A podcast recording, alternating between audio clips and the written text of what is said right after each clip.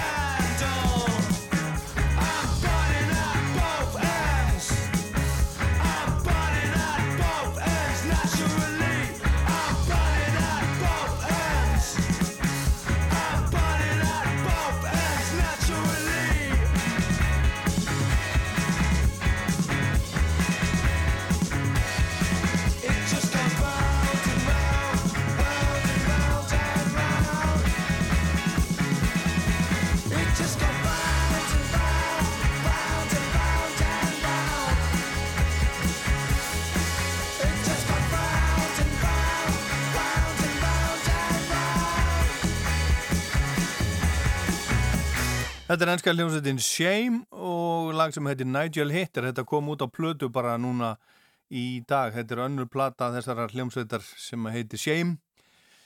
Ennsk hljómsveit, uh, platan heitir Drunk Tank Pink og ég sé hérna á netinu þeir, þeir eru að gera sér vonur um að komast. Ég veit ekki hvort það er að hættu við þetta eða hvað en þetta er á Wikipedia hérna að þeir ætla að fara í tónleikaferð núna í februar 2021 ætla að byrja byrja annan februar í Leeds og enda 27. februar í Brighton svo ef ég fer á heimasíðinu þeirra þá, þá er, kemur bara UK Tour í november 9. november Cardiff, 10. november Birmingham og svo framvegs og svo framvegs ég veit ekki hvað, hvað er til í þessu en þetta er, þetta er skemmtilegt band og það er skemmtilegt sem ég ætla að spila fyrir ykkur hérna, hérna næst, kemur kannski svolítið óvart að ég ætla að spila þennan eh, náunga hérna í Fuss en Ef við segjum að Elvis sé konungur roxins þá er ekkert mál að spila Tom Jones í Fuss vegna þess að, að Elvis hann, hann stældi Tom Jones svonum tíma. Tom Jones var að, að talsveru leiti á tímabili fyrirmynd eh, Elvis og hann var að senda frá sér hérna, hérna nýtt lag sem heitir Talking Reality Television Blues og mér finnst þetta passa hérna í Fuss.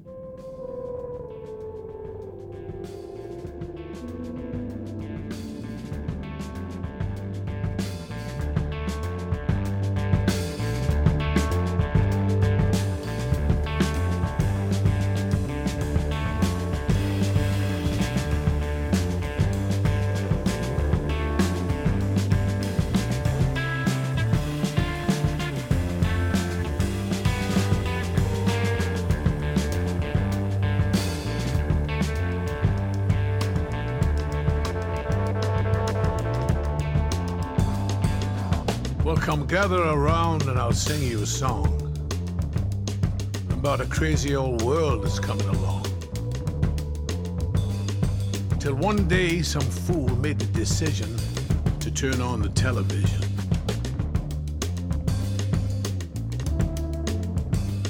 Of course, radio reported we'd all ignore it. Paper said we'd have no time for it.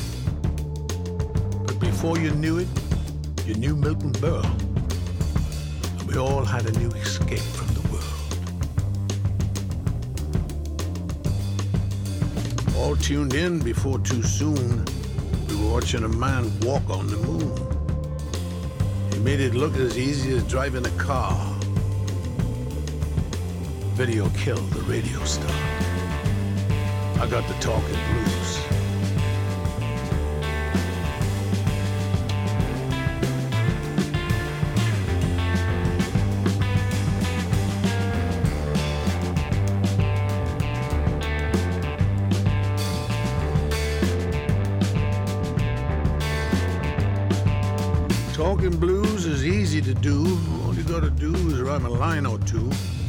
Rhyme a line or two, and then you don't even have to rhyme again.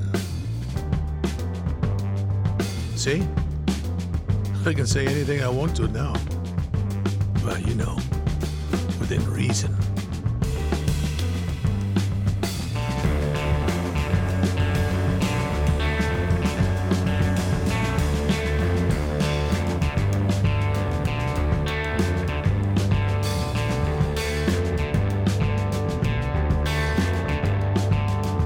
Sitcom catchphrase game show nation. Television soon defied explanation. As the situation took to such a degree that eventually we all heard about cable TV. Of course, free TV news swore we'd ignore it, that your average family could never afford it.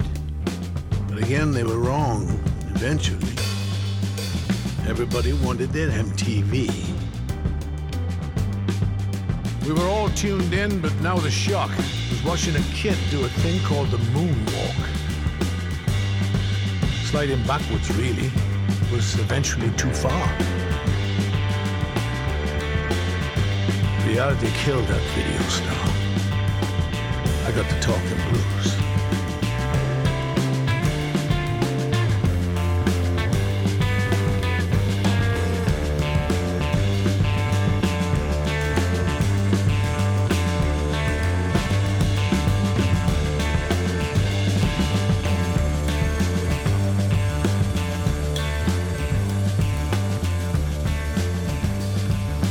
Simple at first, it was hard to foresee the impending collision with reality. But it soon seemed TV turned on itself when the real world came on like it was something else. Of course, actors all acted like they weren't flawed, hoping eventually that we'd all get bored. But one after another, we pretended not to act as we hurtled ever forward towards alternative facts.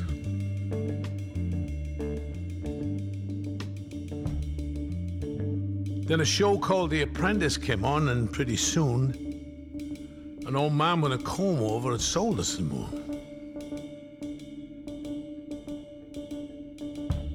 We stayed tuned in, now here we are. Reality killed by a reality star. I got the talking blues.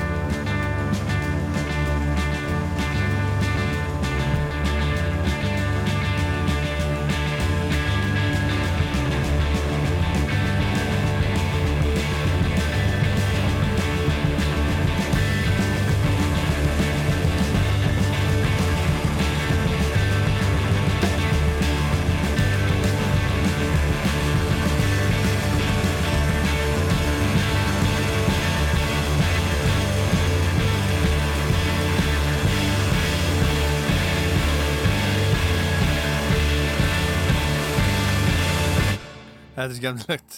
Tom Jones, áttræður. Þetta lag er eftir Todd Snyder, hann gaf þetta út á blödu 2019 sem heitir Cabin Sessions Volume 3 og þetta er að finna á blödu, það verður að finna á blödu sem er að fara að koma út með Tom Jones núna í april, 23. april, heitir Surrounded by Time. Þetta, þetta heitir, hvorki minni minna, and Talking Reality Television blues og þarna er talað um svona uh, sjónvarpið, MTV, svo talað um The Apprentice og svo segir hann Pretty soon an old man with a come-over had sold us the moon. Og now here we are reality killed by a reality star. Mér finnst þetta, þetta skemmtilegt mér finnst þetta, þetta gott Fáum hérna eftir smástund uh, pistil frá vini þáttarins, ekki alveg strax, fáum næst lag af plötu þáttarins sem er Eagles Hotel California. Þetta er Live in the Fast Lane.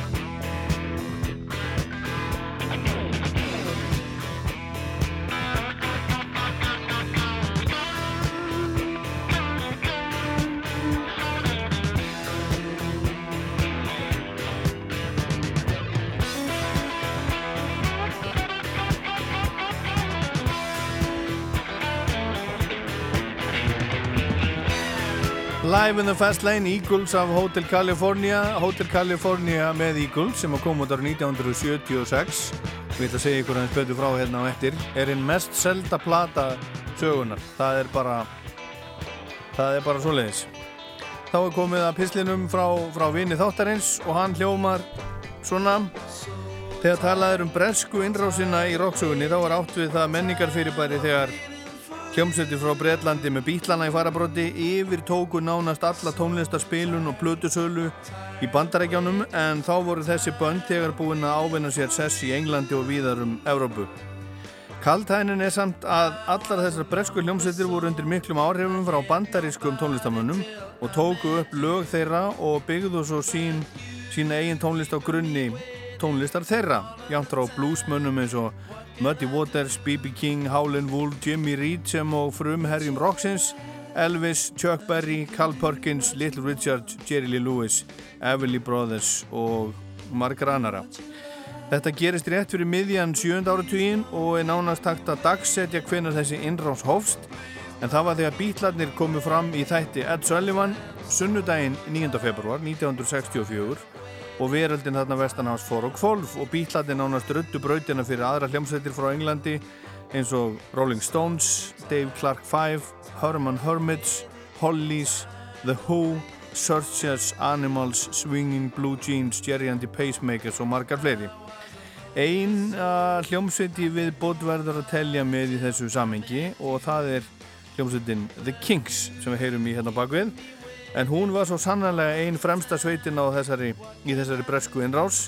Frábær hljómsveit sem stopnum á setni hlut ás 1963 og þeim bræðurum Ray Davis, gítarleikara og söngvara Dave Davis, bróður hans gítarleikara og þeir fengur til liðsveits í bassarleikaran Peter Quaive og trommaran Mick Avery sem meðal annars hafi spilað í stuttan tíma eh, með Rolling Stones. Og í æfisögu Keith Richards fullir er hann sjálfur að Mick Avery hafi spilað með þeim þegar rólingarnir komu fram í fyrsta skipti 12. júli 1962 í Marquee-klubnum í London en það er ekki allir sammála því að uh, Keith farið þetta með rétt mál þetta er, þetta er uh, bara lauruglumál Allan Phil Kings frá 1963 til 1996 þegar bandi var leist upp var Ray Davis á sem að öllur réði og hann samti nánast alla tónlistina og á þessum tíma gáfu Kings út 24 stórar plötur og fjórar tónleikaplötur. Meir og minna eru þetta góðar plötur og sömur frábærar og margir eru því að Kings hafi aldrei hlotið þann sess í sögunni sem þeir eiga svo sannlega skilið og telja Ray Davis í einhver besti lagasmiður sögunar á pari við til dæmis Lennon McCartney, Jagger Richards og Pete Townsend sem allir áttu þátt í bresku innrásinu og sundíma. Þetta er að sjálfsögðu umdeilanlegt. Í upphafi Ferils Kings áttuðir smellin á fætur öðrum og komu þremur lögum í toppsætið í Englandi og auk þess nýju öðru lögum á, á topp 10 og þeir komu nokkur lögum á, á topp 10 Billboard listans í bandarækjánum. Í lok 7. áratugurins og fram yfir miðjan 8. áratugin gáður Davis og Kings út blöður sem voru svona konceptblöður þar sem ákveðin saga eða ákveði umfjöldunarefni var tekið fyrir og á þessum tíma komu margar á bestu plötum þeirra til.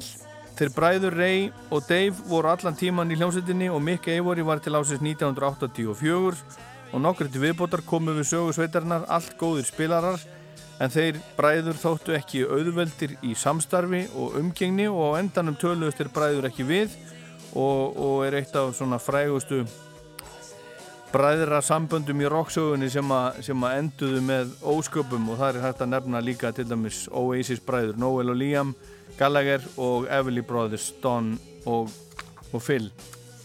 Og mér finnst nú einhvern veginn eins og það sé eitthvað að, að svona lifna yfir samstarfun eða svona sambandin á milli þeirra, þeirra David bræðra í Kings og það er alltaf verið að býða eftir eftir comebackinu en þetta er náttúrulega fullotni menn og það er ekki útsið með að það verði verði nokkuð tíma þó að það sé margir sem hefðu áhuga því. En sjáum hvað, sjáum hvað kemur. Það sem að vinnu þáttarins sendir okkur lægi sem að vilja að við spilum. Er að blödu sem heitir Muswell Hillbillies kom úr 1971 og er upp á slagplötunar heitir 20th Century Man. Og gaman að geta þess að það eru tvö kingslög á, á tveimur plötum með Jet Black Joe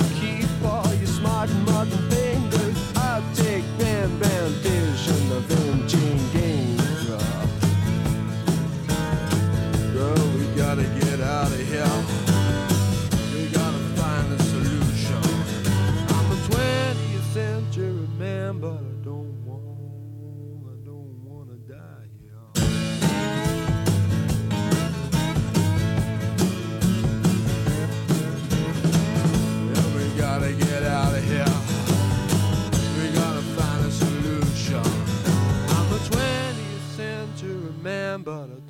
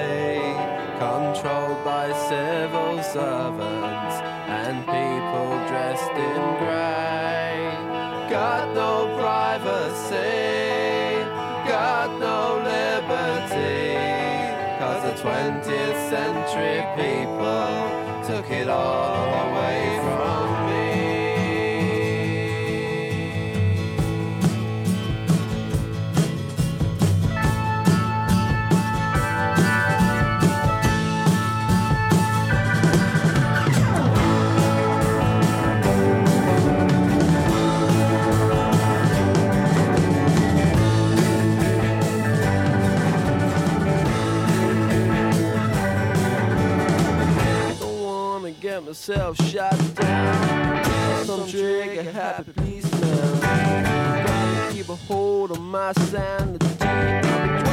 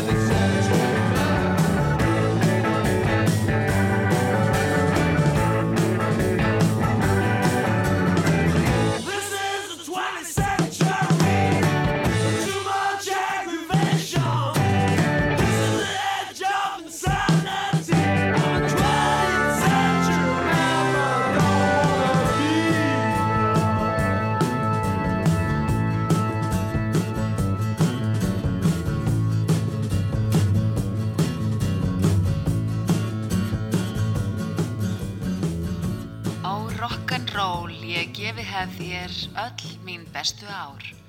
Föss og svei.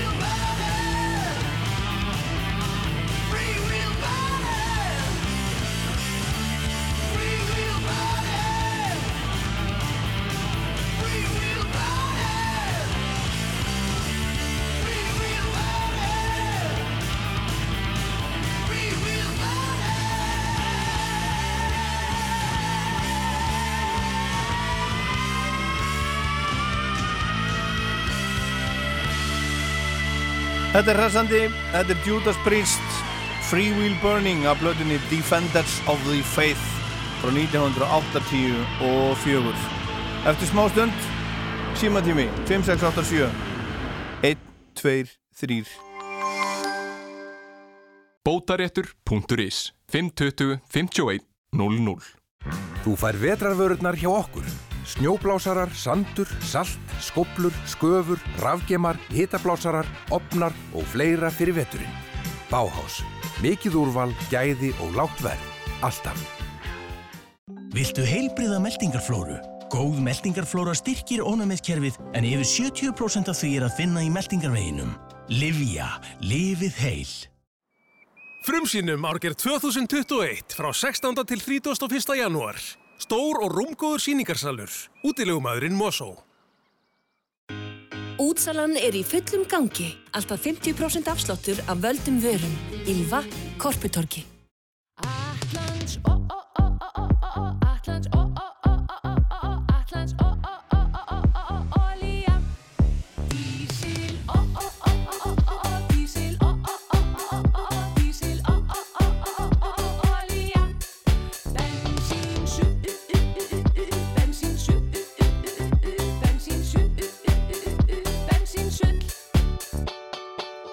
Atlandsolía. Óþólandi ódýrt. Parkett, flísar, teppi, parki dalvegi, parki.is Fasteignir, já, fasteignir. Miklaborg.is Taktu þátt í HM-kvissi OB á OB.is og þú getur unnið 200.000 vildarpunta Æsland er. Áfram Ísland. OB. Hvað er skrítnasta áleggið á pítsu? Allt í pítsagrunnin á 749 krónur. Krónan. Til hvers að býða í röðum þegar þú getur fundið bestu verðin í yfir 600 íslenskum vefverslunum á einum stað í vöruleitjá.is. Já er svarið. Reynsluaktu hinnum fjórhjóladrifnu fræknu á fjórsýningu Toyota til 16. janúar hjá öllum viðurkendum söluæðum. Landcruiser í nýri amælisútfærslu, nýr Hilux, nýra fjórir plug-in hybrid og í fyrsta skipti hjá Toyota á Íslandi Toyota Highlander Hybrid, spánýr fóringi sportjeppanna, Toyota. Helgar tilbúðin eru mætt. Kíkt inn á kjörbúðin.is. Kjörbúðin. Lágt verð. Alla daga. Föstudagskvöld hálf átta til tíu. Þöss með Ólapalla.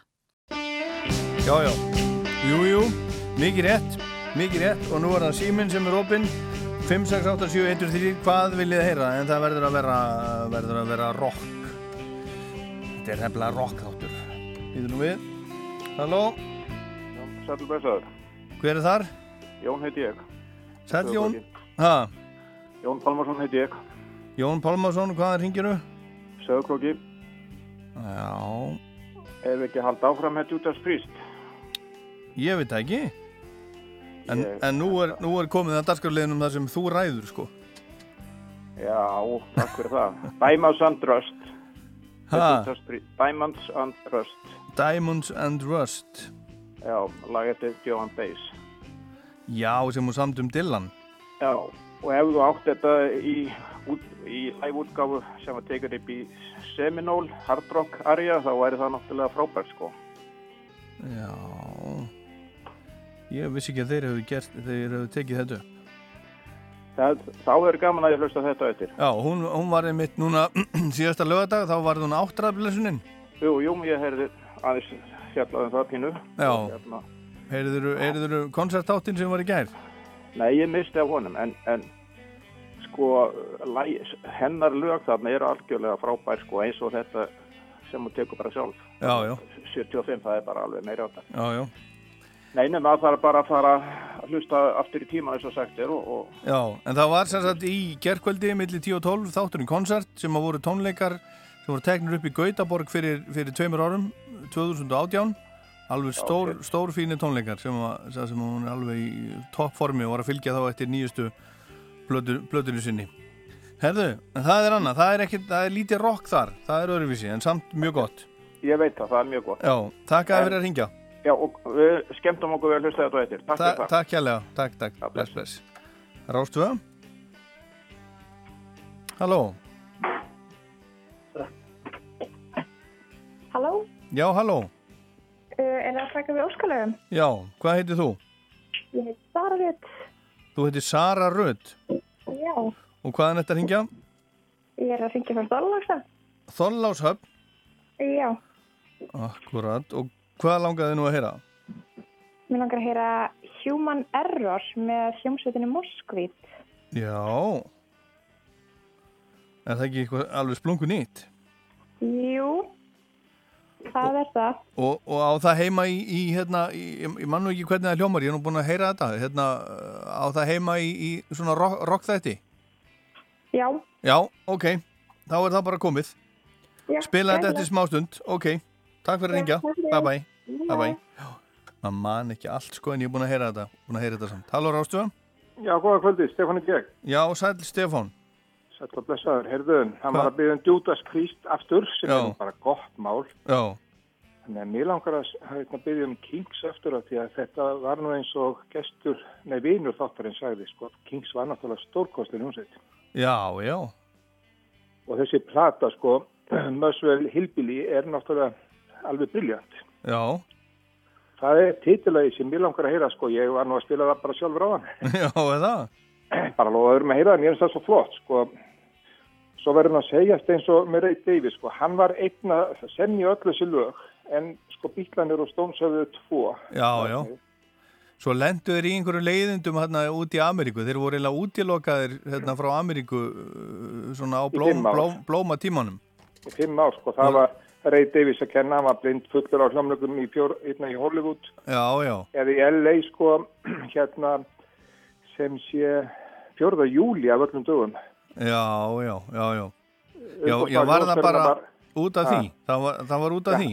Já, hann var blind fullur og, og hérna heimtaði að fá alla peningana sko Já, og hinn vildi ekki greiða þeim alveg fulla greiðslens og umsamið af því það var ekki alveg uppselt já, og hann rauk í mikrofóninu og öskraði áhöröndur að það væri verið að svindla eitthvað á sig. Hann var svolítið trönd þarna sko.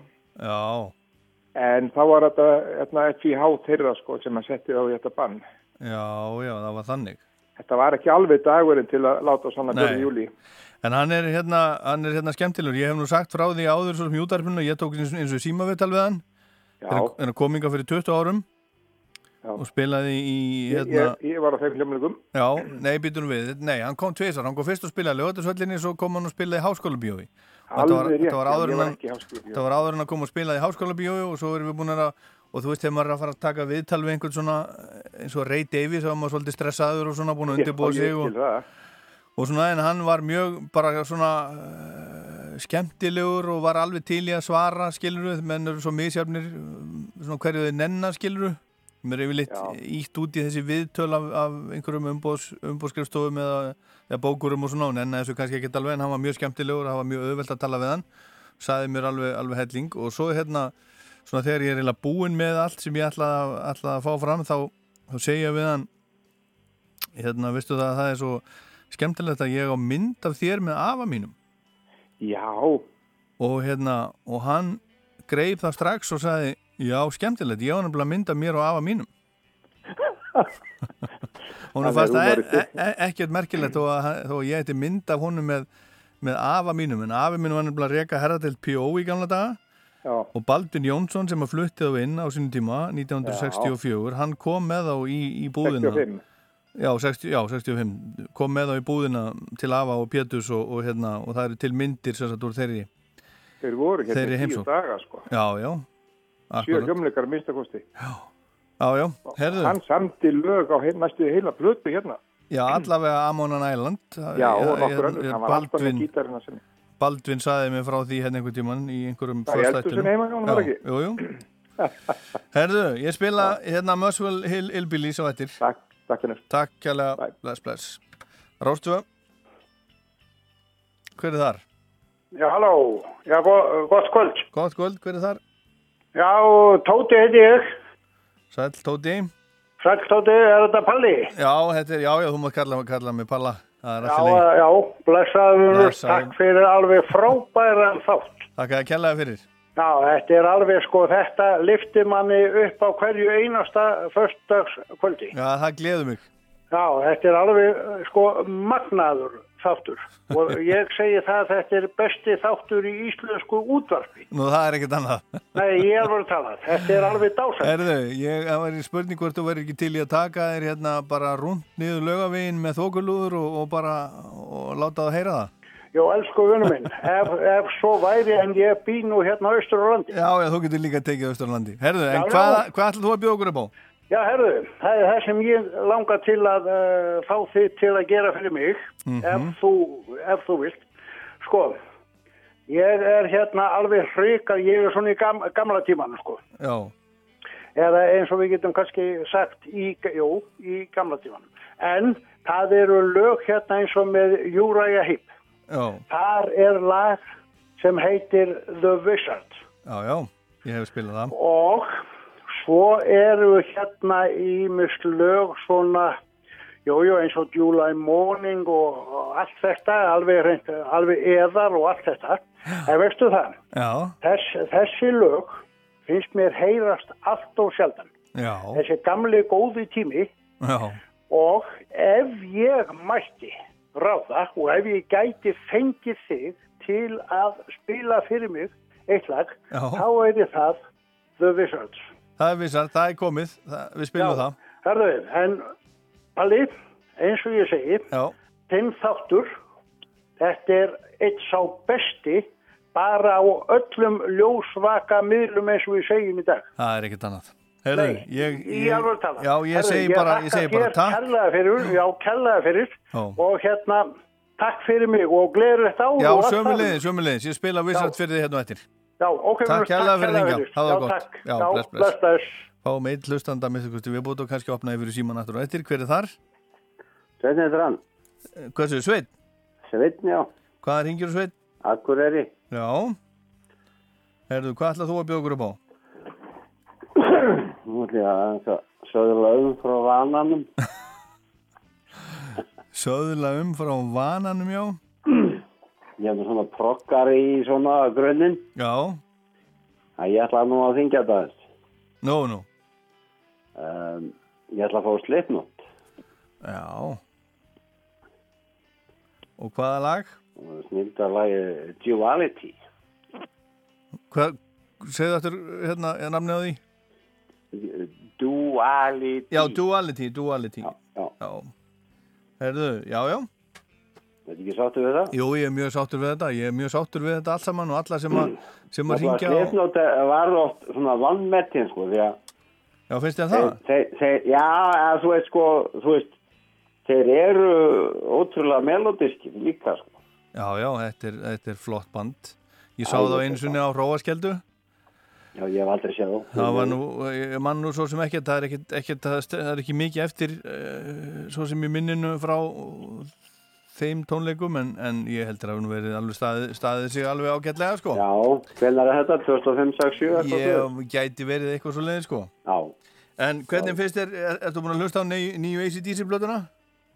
Uh, ég hef búin að heyra bara, hvað, 2-3 lög. Já, mér finnst hún ágætt ég, Já, ég- ég er sammála. Ég sá pistil sem að Smári Tarfur skrifaði sem er nú eitt mesti ACDC aðdáandi, hann er með ACDC tattoo allavega og, og eldi ACDC út um uh, ég man ekki hvort það var öll Evrópa með, með, hérna, með Gibson SG til þess að fá Angus til þess að árita hann og svona, hann er alveg rosalur Já. aðdáandi.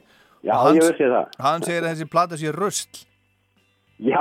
Bara algjört röstl Hún fekk held í eina, eina stjörnu á tíu hjá honum. Já, það er ekki það nú svona fullt í árin tekið. Já, hann má hafa sína skoðun Já, já. Þetta er, Hann er harður aðdáandi og honum finnst þetta bara ekki, ekki nógu gott Það er bara Er, er, er þetta ekki eins og, eins og hérna, með, með svo marga hérna, það sem að hérna, eins og Metallica skilur það, allt sem að nýra koma það var bara röst. Jú, jú, en hann sagði þetta væri, reynist það væri bara að röst vera helviti gott þegar, þegar svo tíminn, tíminn, Já, já hann bráði. Já, já, en þetta er nú ekki besta ACDC platna Það er allavega alveg nei, nei. En ég ætla að spila lag af henni sem að þið voru að, að sleppa út í heiminn og þeir gerðu vídeo, þetta heitir Realize Sveit, þakka að kella fyrir, fyrir að hlusta og fyrir að ringja og ég ætla að spila Já, fyrir þið sleppnátt hérna rétt góða eftir. Takk fyrir kellega Jú, áblöðlega.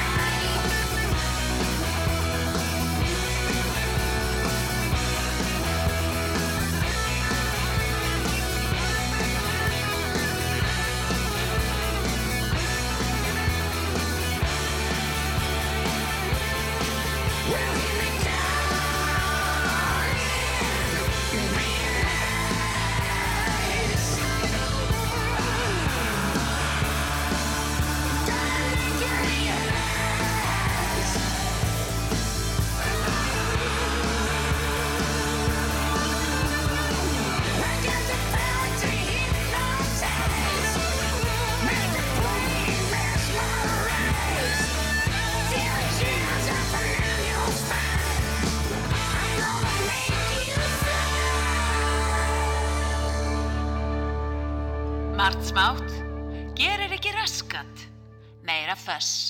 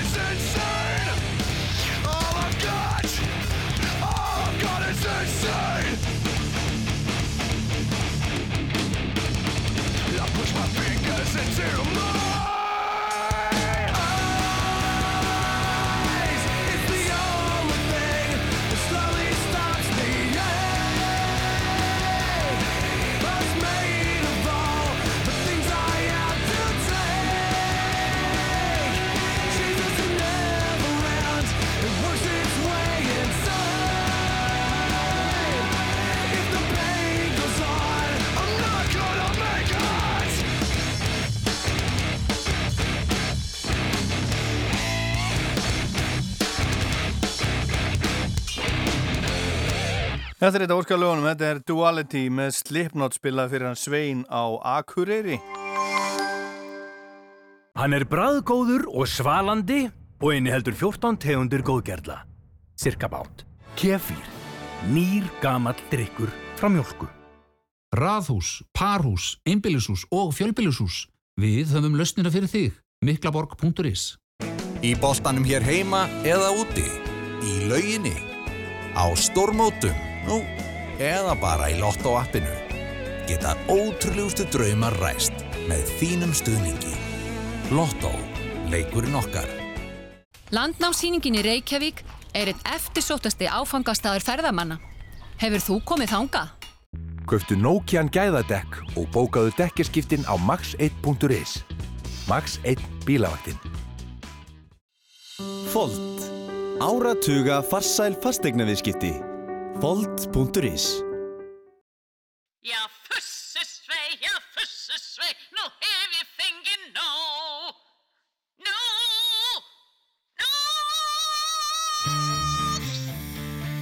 Það er nefnilega það, klukkan er rétt rúmlega hálf nýju og ná vantar 29, 28 ála mínútu í, í nýju og ætlum að lusta hérna næst á hljómsveitina Tool þetta er af, af plötunni 10.000 Days frá 2006 Vicarious heitir lægið uppáðslega plötunar en Adam Jones, gítarleikari Tool, hann á afmæli í dag, fættur hann að dag 1965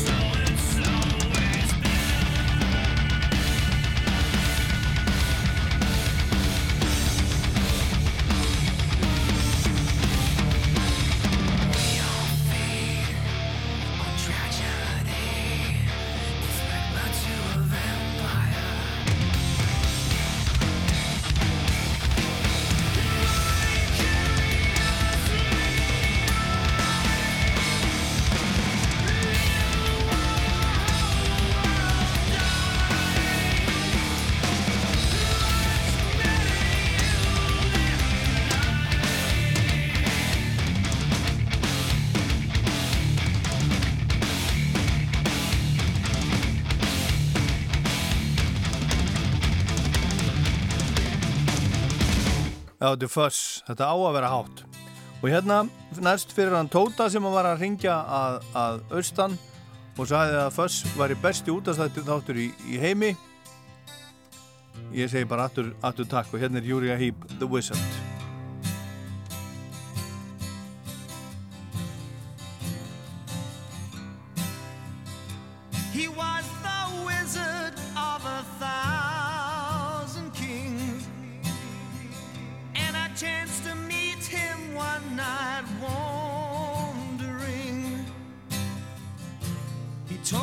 Tales and he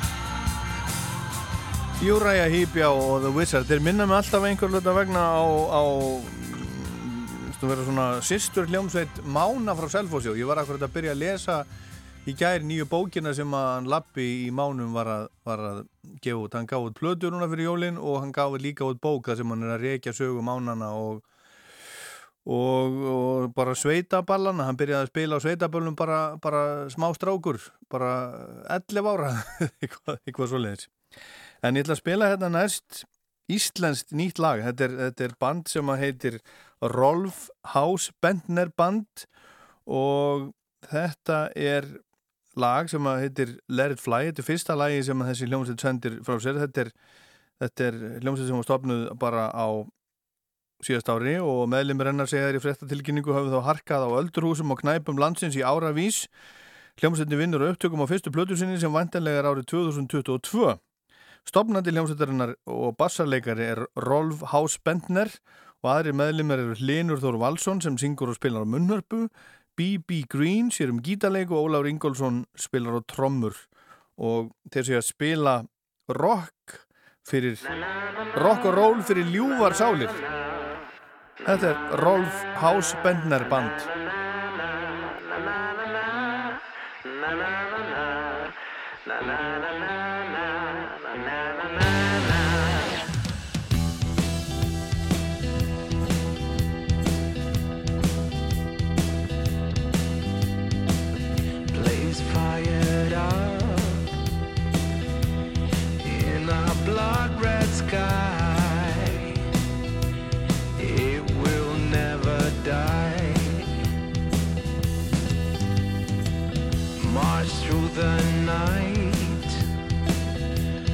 Till the break of day. Victory in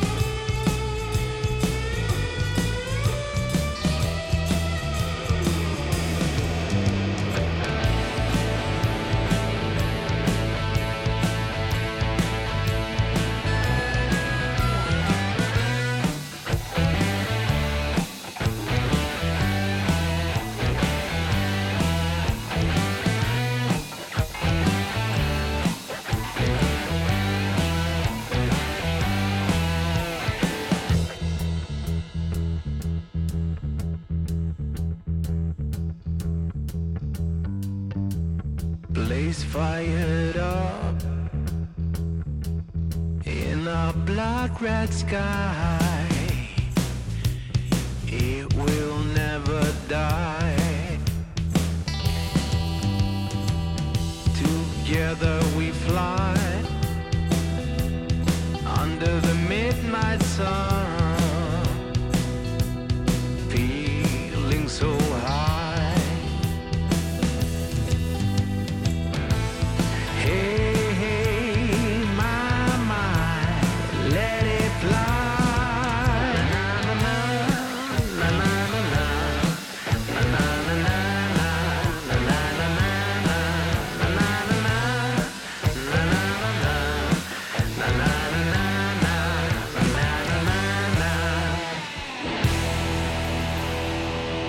Nú það, splungunýtt íslenskt Rolf House Bentner Band og lag sem heitir Let It Fly hérna í Fuss á Rástvö og meira nýtt íslenskt hljómsveitin Sing for Me Sandra hefur ekki hefur uh, látið lítið fyrir sér faraðir sendur frá sér blötu sem að heitir Apollos Parade fyrir 10 áru síðan eða 11 árum, 2010 og uh,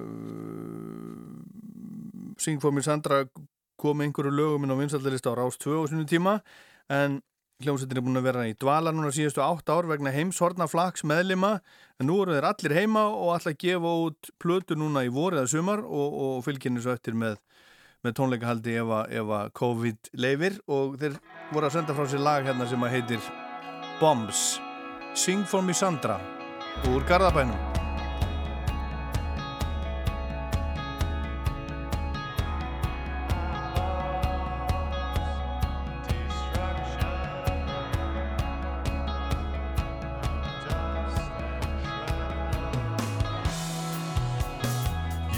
last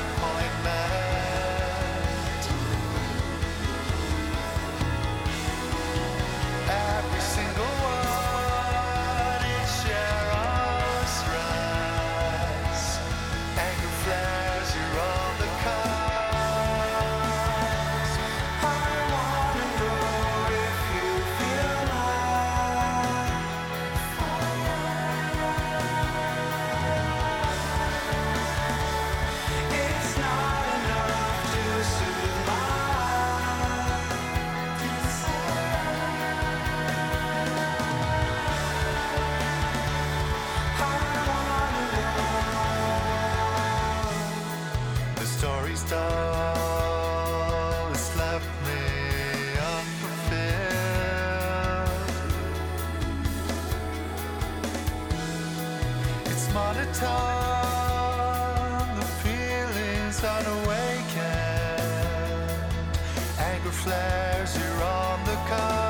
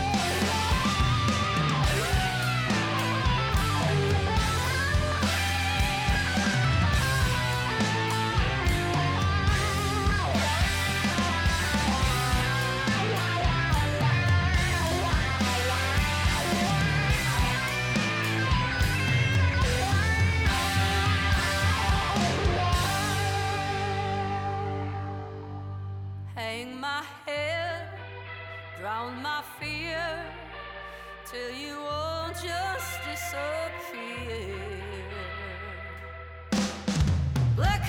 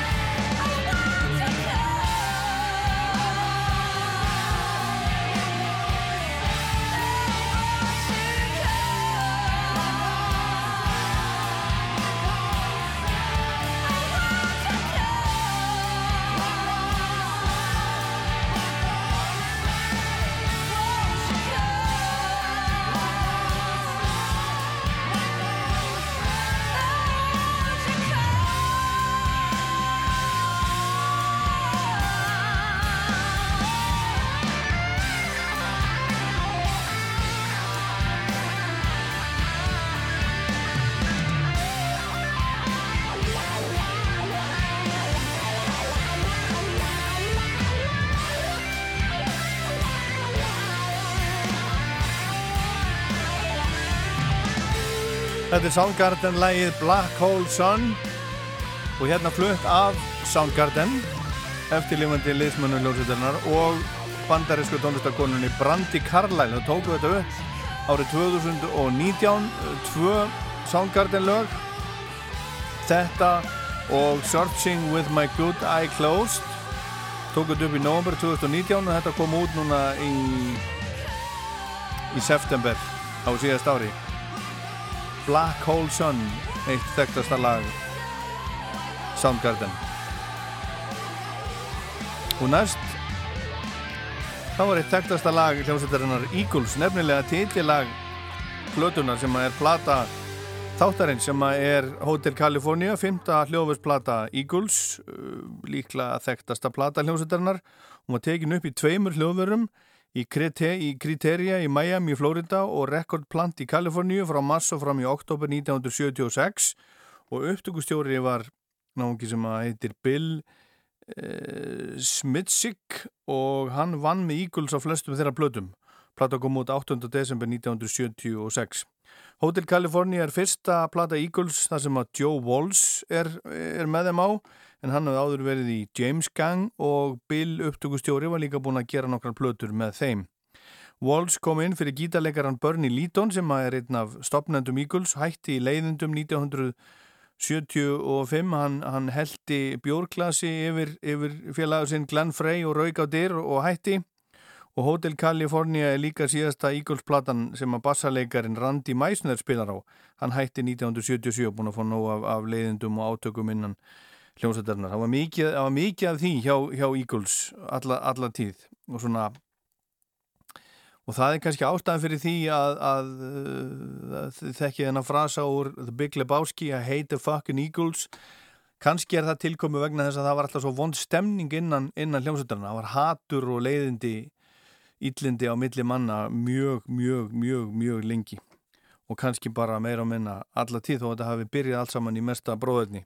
Umsla plötunar Hotel California sínir mynd af hóteli sem heitir The Beverly Hills Hotel, stendur við Sunset Boulevard í Beverly Hills og var tekið í nótkunn áru 1912 og platan fór á toppin á bandaríska vinsaldalistanum þegar hún kom út og, og þegar Grammy-velunni voru afhengt í 20. sin áru 1977 fekk sveitin velun fyrir titilægið Hotel California og það var valið upptaka ársins Record of the Year og lagi New Kid in Town fekk líka Grammy.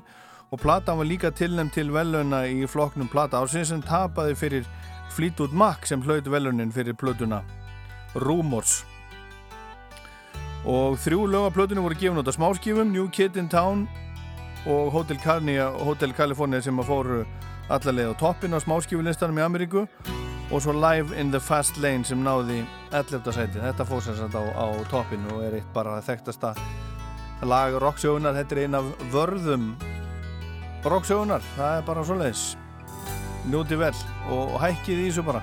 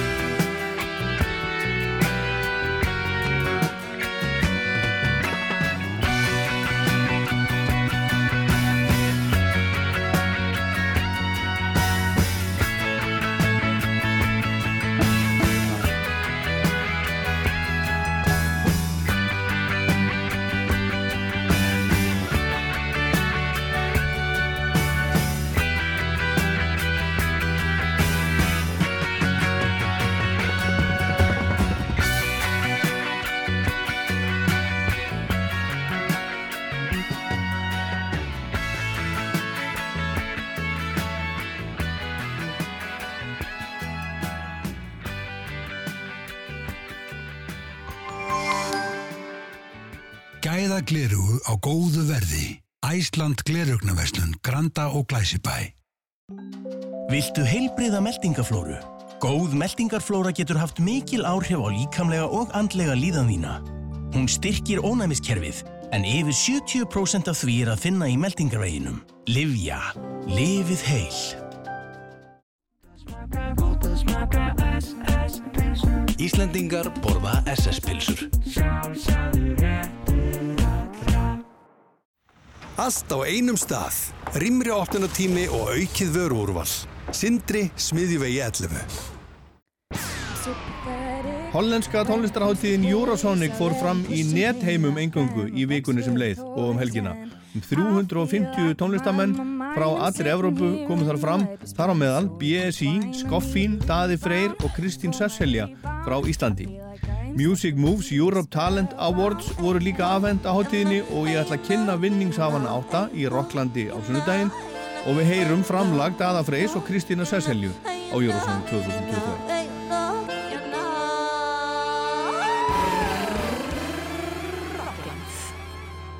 á Rástvö. Ekki jazz, heldur föss.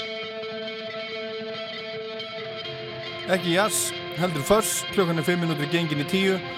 Hér er splungu nýtt frá hljómsveitinni Mogwai, þetta heitir Ritchie Sacramento.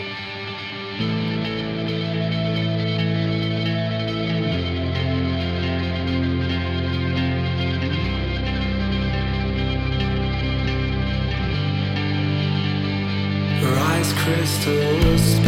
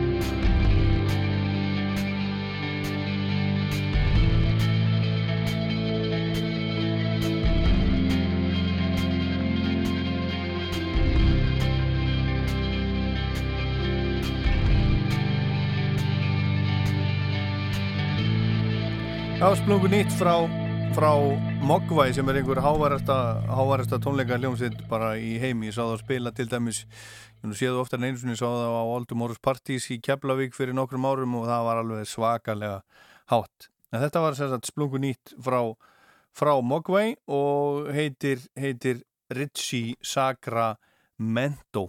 Plata þáttarins í síðustu viku var, uh, var David Bowie platan uh, Aladdin Sane, við spiluðum á henni nokkuð og ég ætla að spila eitt lag til viðbótar núna vegna þess að það er bara það er flott.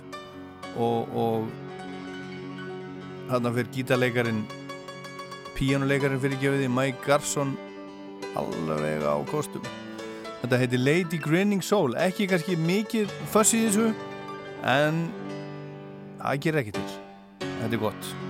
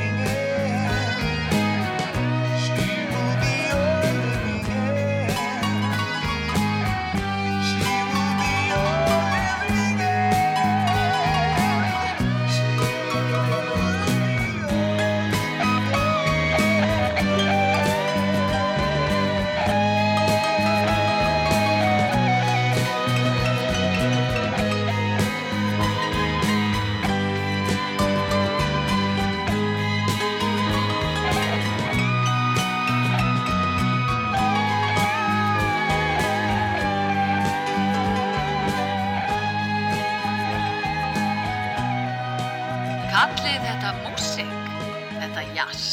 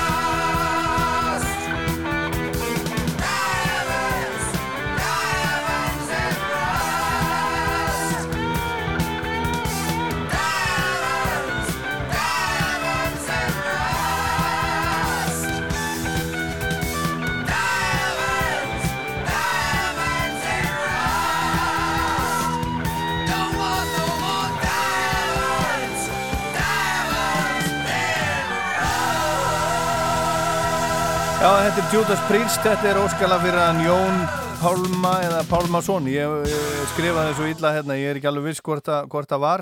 Ringdi frá Söðokróki, ég skrifaði það skilmerkilega frá mér Diamonds and Rust eftir, eftir Joan Baez. Þetta, er, þetta kom út með Judas Priest árið 1977 og ég hafði bara aldrei hugleitt að þeir eru gefið þetta, þetta út. En hann var ammali í dag það er margir ammali í dag og ef einhver er að hlusta sem á ammali þá ég hann til hamingi með ammalið en, en Bill Byford söngvari ennsku heavy metal hljómsveitarinnar gömlu Saxon hann á ammali í dag, hann er sjötur í dag til hamingi með daginn Bill Byford. Og það er að koma út coverlaga plata núna með, með, með Saxon þar sem að þið taka til dæmis Painted Black eftir Rolling Stones, Immigrant Song eftir Led Zeppelin, Paperback Writer, það eru bítlanir Evil Woman, er það ekki örgulega bara geta verið verið ekki Black Sabbath? Stone Free, Jimi Hendrix, Bomber eftir, eftir Motorhead The Rocker Býtum við hvað var það aftur? The Rocker geti verið bara ACDC, Hold the Line Problem Child, nei það er ACDC See My Friends það er, það er Kinks og svo lægi sem þeir voru að sleppa út í heiminn bara núna það er þetta hérna nei, nei, nei, nei, nei. það er þetta hérna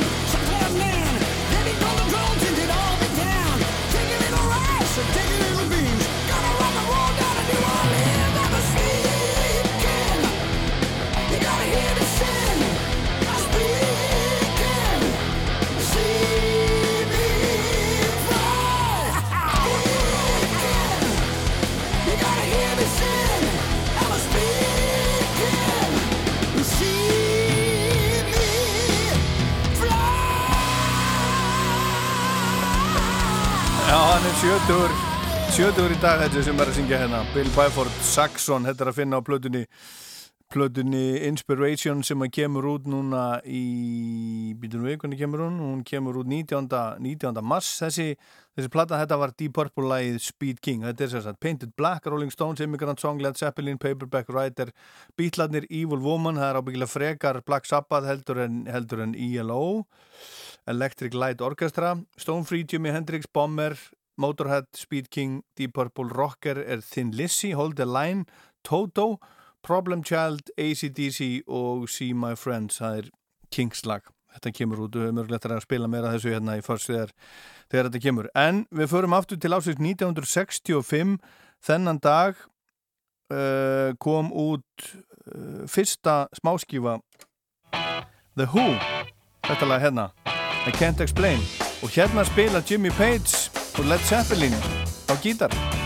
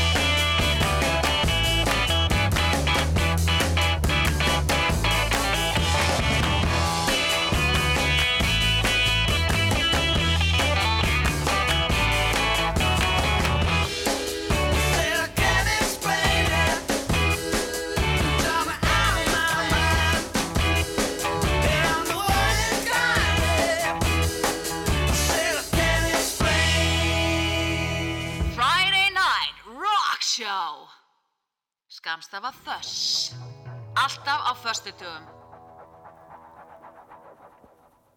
Hey, hey, mama said the way you move gonna make you sweat, gonna make you groove.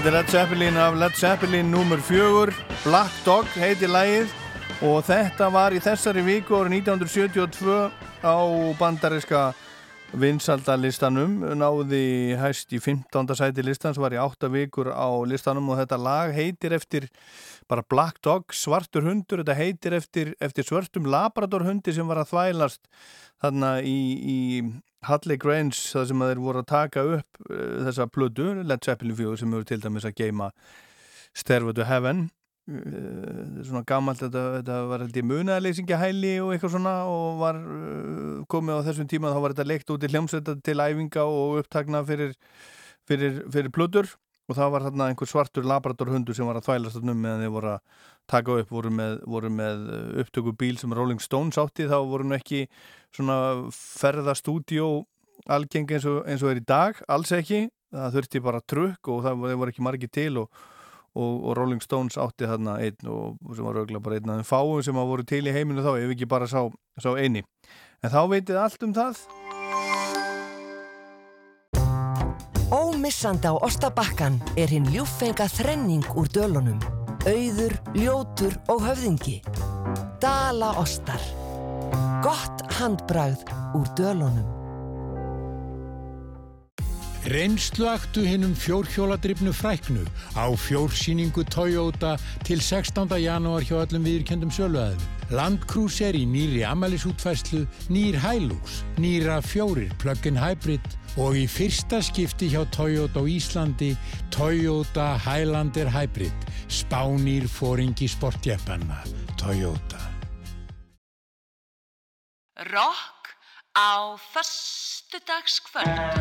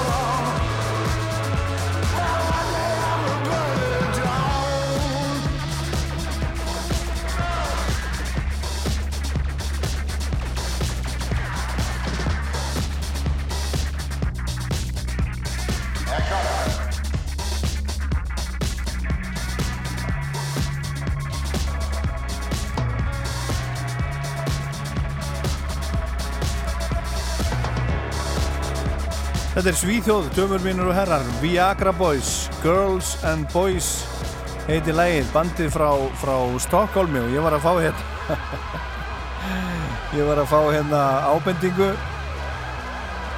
hérna frá góða vinni mínum sem að sem var að tala um, ég var að tala hérna um, um Saxon á þann og segja að hann ætti ammæli söngvarinn og ég hefði kallað hann Bill tvísvar, ekki bara eins og heldur tvísvar Bill Buford Bill það er allt annað maður. Hann heitir auðvitað Biff Byford söngvarinn í, í Saxon og er, er 70 í dag. Til hamingjum með daginn. Ef þú skildi nú vera að hlusta getur vel að við komum að öðru Saxon-lægi hérna á, á eftir en ekki allavega alveg strax. Ég ætla að spila næst hérna óskalag fyrir hann, fyrir hann uh, Stefan sem að ringdi hérna hann sem að ringir stundum. Hlustar held ég alltaf ég var að spila hérna vinur, vinur þáttarins uh, senda okkur uh, senda okkur hérna Pistilum Kings og lagið 20th Century Men af plötunni Muswell Hillbilly sem að koma úr 1971 og Stefan vildi heyra titilægið af þeirri blödu Muswell Hillbilly sem er lokalag plötunar og það hljómar svona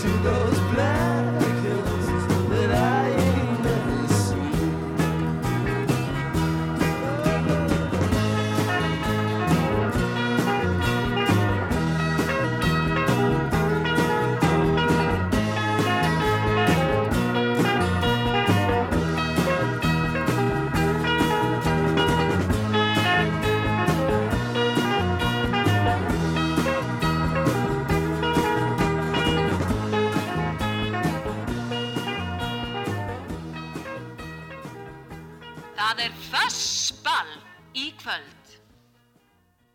I've been waiting on a war since I was young.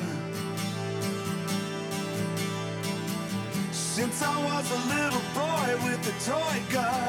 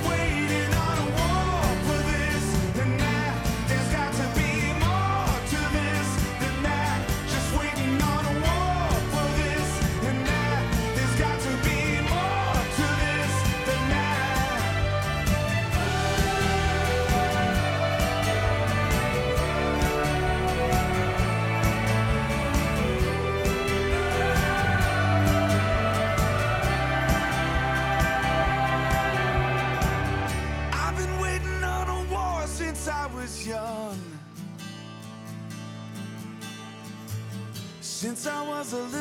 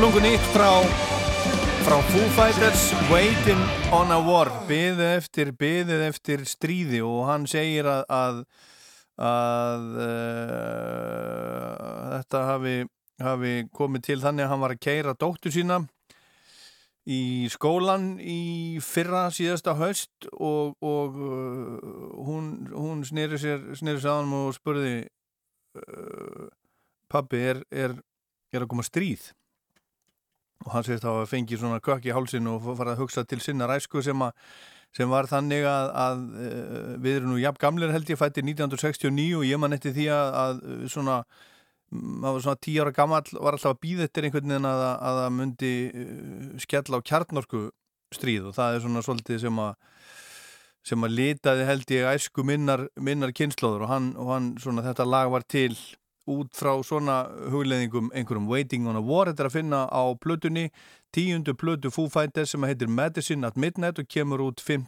februar hérna næst er, er Óskalag spila fyrir hana Villu sem að, sem alltaf, alltaf hlustar og ringir stundum. Hún var að, var að kvarti við því að það heyrist ekkert í þessari hljómsveitjanda sem heitir heitir Wolf People, þetta lag heitir Kingfisher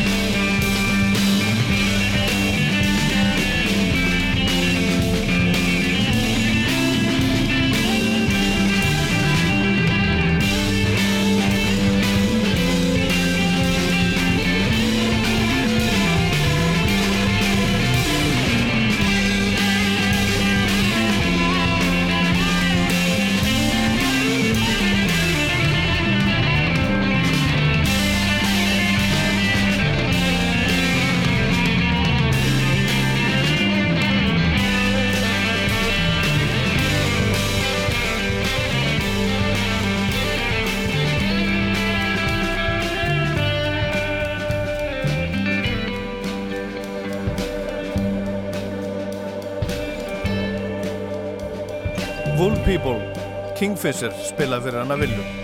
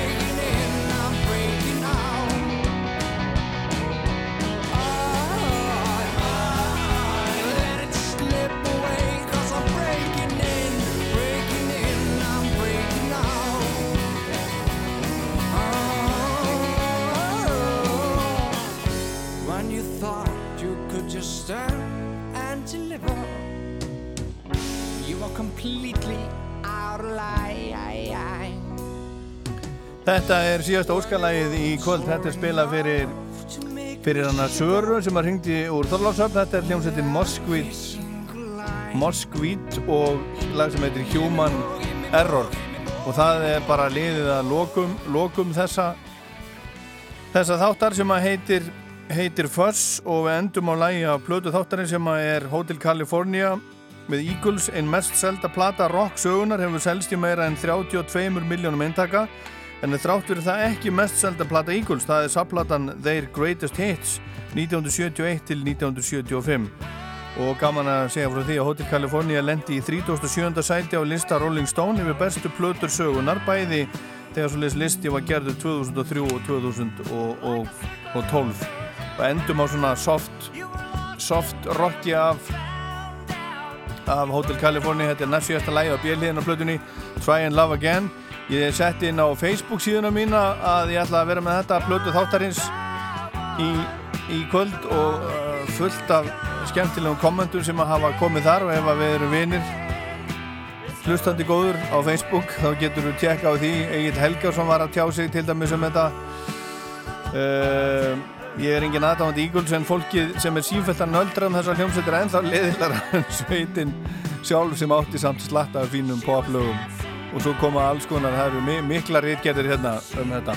Skemmtilegt, takk helga fyrir að að hérna bara að skrifa, nenn að skrifa og takk fyrir að hlusta, takk þið sem að ringduð, þetta var Foss, ég heit Ólaður Páll. Try and Love Again. Takk fyrir kvöld og góða helgi.